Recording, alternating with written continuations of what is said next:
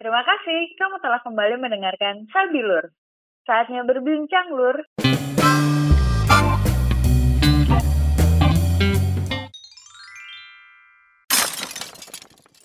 Halo dulur-dulur Sadena, balik lagi sama gue Ulan dan gue Hani di podcast Sabilur, saatnya berbincang lur. Dan kali ini kita kedatangan bintang tamu spesial banget. Ya ampun, gue aja excited banget buat nanya-nanya ya gak sih Han ya? Gila orang banget nggak, Kak? Parah. Parah gue opening aja deg-degan banget Han. Ya Allah, mari kita sambut dulur-dulur ini dia Mbak Karin. Welcome Mbak Hari. Eh, dulur dulur lur lur lur Iya. Alhamdulillah banget ya Han ya. Sumpah gue sih gak nyangka sih. Berasa di supervisi langsung bener. Tapi emang Mbak Karin siapa sih Kak? Kok kaulan kayak deg-degan banget Kak?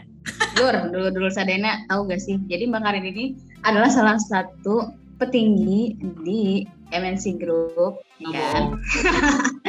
Jadi sekarang bos itu ya hitungannya itu- ya? Iya, bos gue. Spesial Iya, kalau banget. Abah udah bisa datangin bos, Masya Allah. berani beraninya lu ngundang-ngundang gue di sini Bismillah kita berdoa gitu loh. Ya Allah, kapan kita bisa mendatangkan orang-orang penting? Alhamdulillah akhirnya Mbak Karin ya. bersedia. Akhirnya ada first milestone anjay. first milestone gak tuh bahasanya. Langsung mengundang loh dari pakarnya. Gila sih, langsung GM ya. Jadi Mbak Karin ini eh, sekarang tuh menjabat sebagai eh, General Manager. Langsung 4 unit loh, General Manager, 3 free to air dan RCTI Plus, tapi di bagian digital broadcast marketing. Bener kan Mbak? Bener nggak Mbak? Ini langsung di supervisi nih. itu R tuh apa ayo lu Oh iya. Digital broadcast marketing apa kaulan digital broadcast marketing? Lah, jadi gue yang dites. Kalau misalkan dulu-dulu mau tahu, bisa nanti searching aja googling digital broadcast marketing itu apa. Tapi kalau free to air itu adalah apa namanya channel-channel yang bisa ditonton gratis di TV, nggak usah bayar. Ya kan mbak bener nggak? Bener nggak? Benar, benar. Bakarin tuh tau nggak Han dia tuh punya ini loh, punya fans loh. Jadi Aduh. gue tuh seneng banget kalau misalkan gue ngundang Bakarin tuh fans-fansnya tuh nunggu gitu loh. Kapan Berarti- ngobrol sama Bakarin? Berarti emang Mbak Karen ini eh, menginfluence warga banget ya Kak? orang fansnya cuma tiga merendah aja. Pokoknya kalau live itu pasti Mbak Karin selalu ditunggu. Yang pasti penas orang-orang pasti bakal penasaran ya. Kan sekarang Mbak Karin itu kan menjabat di sebagai GM nih.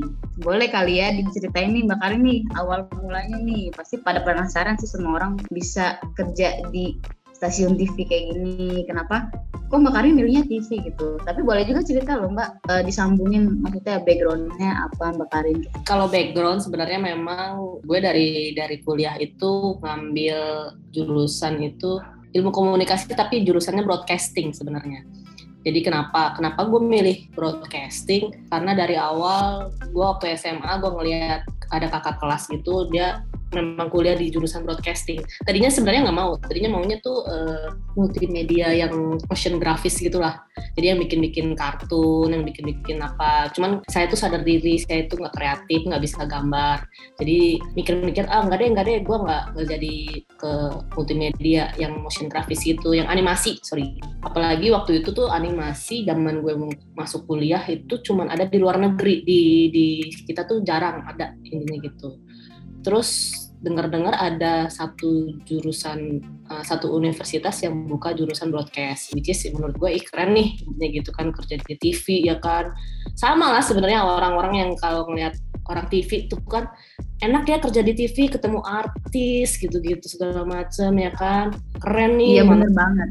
Iya. sama lah intinya gitu. Nah jadi gue ambil jurusan si ini. Pokoknya nggak mau tahu gimana caranya gue harus masuk universitas itu dengan ngambil jurusan itu namanya uh, Universitas Pelita Harapan. Yang itu yang gue tahu waktu itu.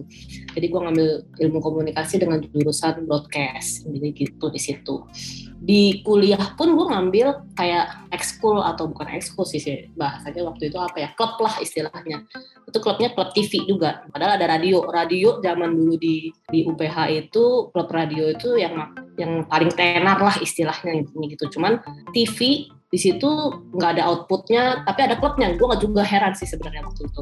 Terus uh, ya belajar belajar intinya tentang tentang pertivian tentang kameramen ini gitu gitulah sebenarnya kalau di broadcast di UPH itu lebih ke wartawan sih sebenarnya. Setelah gue tahu ya setelah gue terjun di situ itu wartawan sebenarnya Nah, gue pernah punya pengalaman magang di RCTI, tapi magangnya tuh magang magang dari kuliah ya, ini gitu, di divisi promonya lah. Terus memang beneran belajar animasi yang kayak gue pengen kayak waktu itu, belajar-belajar pakai After Effect, waktu magang itu cuman ngekropin gambar gitu-gitu setiap hari ngekropin gambar aja ngekropin. Ngekropin gitu. Ya udah itu aja tugasnya paling banyak suruh ngekropin muka orang muka artis-artis gitu. Jadi kalau di TV suka muncul ada kayak template-template gitu terus ada foto-foto artis saksikan saat lagi gini gini segala macam nah itu tugas gue zaman dulu tuh waktu magang. Oh iya iya. Nah bayang ya waktu itu gue magang karena gue tahu oh ternyata di TV gitu-gitu aja ya. Cuman ya kan karena gue promo dan gue cuma ngepropin orang doang intinya gitu. Ya ketemu ketemu artis sih ketemu cuman oh ya udah biasa aja ya menurut gue gitu. Nggak e, sesuai ekspektasi intinya sebenarnya sebenarnya. Jadi gue waktu magang itu gue bilang ah gue nggak mau ah nanti kalau gue udah selesai kuliah gue nggak mau kerja di TV tau lah capek kerja di TV gini-gini segala macam udah tuh udah terbesit kan beneran selesai kuliah, gue ngelamar dong, ngelamar kerja. Biasa kalau anak-anak fresh graduate itu kan biasanya merasa dirinya paling pintar. Daftar apa kerja gitu, nyarinya yang langsung manajer, bukan officer. Enggak, gue mampu kok gue level manager gitu kan sotoy. Tapi begitu ngeliat di kriteria jobnya tuh harus punya pengalaman 4 tahun, 3 tahun kalau mau jadi manajer ini gitu kan. Ada yang namanya account manager kan masih manajer manajer. Ternyata sales. Uh, karena gue tahu itu ternyata sales dan gue juga bukan tipe orang yang senang jualan akhirnya gue nggak ngambil gue bilang ke supervisor gue yang waktu magang lu mau nggak? Katanya gitu. Oh jadi apa? Gue bilang. Jadi admin sosmed karena kita lagi mau ngembangin sosmednya waktu itu RCTI ya. Dalam hati gue ngejut ngejilat ludah gue sendiri nih. Dari tadinya gue nggak mau ke RCTI gue mau balik lagi nih ke RCTI oh ya udahlah boleh dah ini gitu. Terus gue interview dan akhirnya diterima. Sampai ya sampai sekarang sih sebenarnya. Ya. Sampai awal.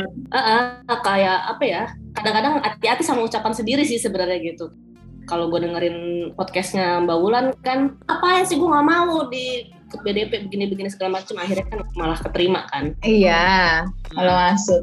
gitu. Nah jadi sama kayak kayak gue gue bilang dari awal juga gue bilang e, gue nggak mau nih kerja di TV gitu-gitu segala macam nah ini kayak ngejilat ludah sendiri sih sebenarnya. Jadi gue masuk uh, awal karir ke RCTI waktu itu sebagai admin sosmed. Sebenarnya admin sosmed plus uh, desainer merchandise. Jadi yang bikin-bikin merchandise terus buat dijual di koperasi atau dikasih ke klien atau dikasih buat hadiah yang gitu-gitu.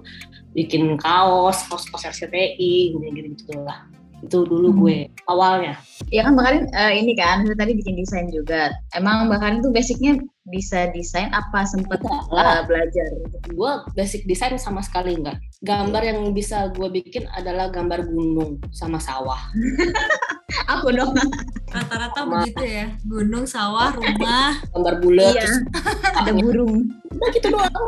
Nggak bisa gambar. Tapi kalau kalau penikmat gue penikmat uh, seni. Jadi gue seneng lihat tuh yang kalau art-art yang bagus-bagus tuh gue seneng. Cuma kalau suruh bikin gue nggak bisa. Makanya gue minder waktu pertama mau masuk ke animasi kayaknya enggak deh gue cuman penikmat aja gue cuman seneng aja intinya cuman seneng ngeliatin yang bagus-bagus. Oh ini bisa begitu ya oh ini bisa begitu. Gambar kayaknya enggak. Photoshop sih lebih ke Photoshop karena kakak gue itu di cafe jadi kalau dia dulu ngerjain tugas kuliahnya gue sering ada di sebelah dia dan gue ngeliatin oh dia mencet itu. Oh dia mencet Photoshopnya mencet tombol-tombol di di apa di komputer tuh oh dia gitu caranya gitu. Jadi jadi tahu tapi dulu Mbak Karen pas jadi admin sosmed itu bakal kayak udah kebayang belum sih Mbak kalau sampai sekarang tuh bisa uh, karirnya udah sejauh ini gitu. Kan karena kan admin sosmed juga uh, yang kita tahu iya cuma admin doang di sosmed padahal kerjanya juga banyak kan yang bikin timeline lah, konten apa segala macam. Enggak sih sebenarnya sejujurnya. Kalau sampai ke arah sini ya intinya maksudnya sampai ke arah naik jabatan terus lalala dan sampai sekarang sampai posisi sekarang tuh nggak ngarep nggak sampai yang ngoyo yes ya. Maksudnya nggak gue harus naik jabatan gue harus yang gini-gini segala macam tuh enggak karena kalau gue lebih ke arah ini gue tipe orang yang nggak mau ribet sih Hani sama Wulan. Jadi gue nggak mau ribet. Jadi gue bukan tipe yang work hard tapi work smart gitu work smart maksudnya gimana? Work smart tuh maksudnya gini kayak admin sosmed. Gue dulu zaman gue jadi admin sosmed itu job desk-nya adalah ngupdate semua program program program selama 24 jam yang ada di TV di RCTI waktu itu. Cuman RCTI doang. Kayak kapan gue apa tuh namanya kapan gue istirahatnya kalau 24 jam gue harus update terus kan intinya gitu. Waktu itu zamannya zaman Twitter belum Instagram, Facebook juga nggak terlalu gimana gimana waktu itu Twitter yang lebih real time banget gini gitu. Akhirnya gue mikir-mikir gue cari cara, terus ketemu sama yang scheduler. Jadi gue ke kantor itu jam 9, jam 10, jam 9 kalau nggak salah. Terus gue lihat pola acara hari itu apa, karena kan suka berubah-berubah ya setiap hari acaranya. Gue schedule semua dari jam 10 sampai paginya sampai besokan jam 10 lagi. Jadi sebelum gue masuk jam 9 pagi, sebelum jam 12 gue udah selesai kerjaan gue. Ngomongin orang ngapain kayak gitu gitu makanya buat gue kayak dulu awal-awal sebenarnya jadi admin sosmed nggak ada tantangannya. Tantangannya kalau ada program spesial yang gue harus live tweet malam-malam gitu-gitu segala macem. Cuman buat gue itu seru. Karena itu di luar rutinitas yang setiap hari yang gue cuma sampai jam 9 sampai jam 12 doang kerjanya gitu. Ya ya pinter-pinter diri sendiri sih nyasatinnya intinya gitu aja sih Pinter-pinter manajemen waktunya juga ya Mbak ya. Tuh, kayak baul kan. Eh, sorry, sorry, sorry. Kaul makanya kaul jangan sampai subuh kaul work smart. Nanti keceplosan. Iya, pinter-pinter manajemen waktu gitu gitu. Hai, terima kasih telah mendengarkan podcast Sabilur. Jangan lupa dengerin episode selanjutnya ya. See you!